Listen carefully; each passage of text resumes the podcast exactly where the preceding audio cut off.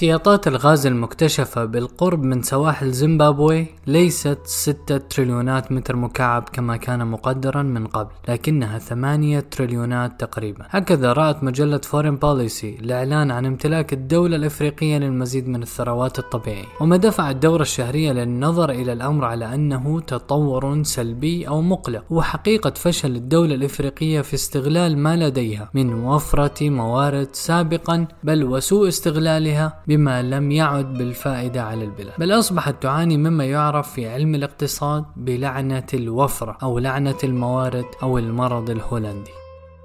ظهر مفهوم المرض الهولندي عام 1977 بعد اكتشاف أمستردام لاحتياطات ضخمة للغاية من الغاز الطبيعي عام 1959 بما تبعه من زيادة كبيرة للغاية في الصادرات ولكن كان هناك تناقض كبير للغاية بين التدفق الكبير للإيرادات الخارجية والاقتصاد العليل داخليا بسبب عدم استثمار عوائد الغاز بشكل جيد. وبدأت الأعراض تظهر بدءا من عام 1970 بارتفاع نسبة البطالة من 1.1 إلى 5.1 وبتراجع معدل النمو الاقتصادي بحدة بل وبفشل النفقات الحكومية في محاولات إنعاش القطاعات الأخرى للاقتصاد التي عانت كثيرا ربما بسبب انتعاش قطاع الغاز بالأساس. وبسبب العرض الكبير من العملات الأجنبية وتحديدا الدولار الذي يتم بيع الغاز به أصبح سعر الجلدر عملة هولندا حينها مرتفعا في مواجهة العملات الأخرى وبالتالي أصبحت قطاعات الاقتصاد الهولندي أقل تنافسية. وازداد اعتماد هذا الاقتصاد على الصادرات وتفاقمت أزمة البطالة وما زاد الطين بلة أن الحكومة الهولندية اضطرت للإبقاء على أسعار فائدة منخفضة لعملتها حتى لا تشهد زيادات أخرى. فدرجت الاستثمارات على الهرب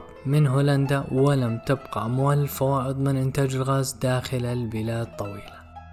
وفي وقتنا المعاصر يمكن ضرب مثال واضح بنيجيريا التي تعاني من انفلات أمني ومشاكل داخلية فيما تعد عاشر منتجي العالم من النفط وأحد أهم منتجي المعادن والغاز الطبيعي. وعلى الرغم مما حباه الله به من موارد فإن معدل النمو لم يزد عن 0.8 لعام 2017 وتراوح حول تلك النسبة عموما في السنوات الأخيرة. العماله الماهرة في نيجيريا تعمل بالكامل في الصناعات البترولية التي ارتفع أجر العامل فيها على نظيره خارجها في العمل اليدوي نفسه قرابة 14 ضعفا مما يجعل موظفي الصناعات البترولية وحدهم هم الطبقة الغنية في مواجهة بقية العاملين في القطاعات الأخرى الذين يعانون فقرا مدقعا كما تعتبر فنزويلا حالة أكثر تطرفا من نيجيريا أيضا إذ تراجعت معدلات النمو فيها حتى وصلت نسبا سلبية قياسية وذلك على الرغم من قطاع البترول المنتج فيها. وعلى الرغم من الإيرادات الدولارية التي تجنيها فنزويلا بفعل صادراتها النفطية إلا أن هذا لم يمنع عملتها من التدهور المستمر أمام العملة الأمريكية حتى وصلت عام 2016 إلى 0.0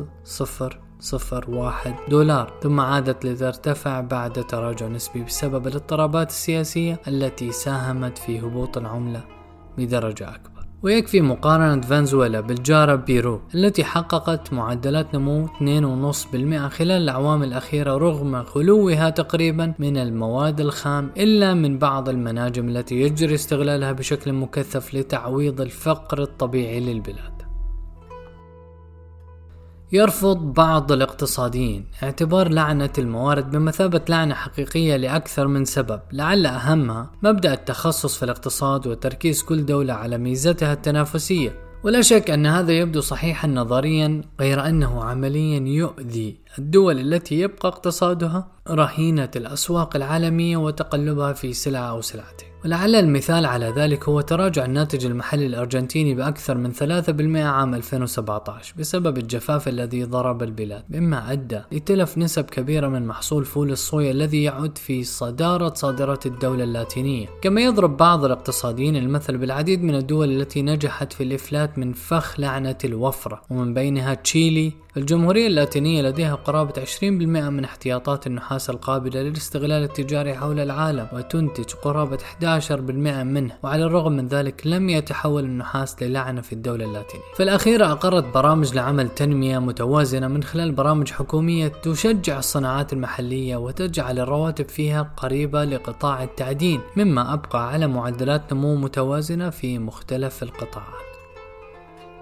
وتأتي النرويج أيضا في صدارة الدول التي أفلتت من المرض الهولندي فعلى الرغم من الاحتياطات البترولية التي تم اكتشافهما منذ ستينات القرن الماضي إلى أنها نجحت في تلافي الآثار السلبية من خلال سياسات متعددة اتخذتها حتى تنوع مصادر الدخل من الموارد الطبيعية لتشمل الأسماك والأخشاب والورق.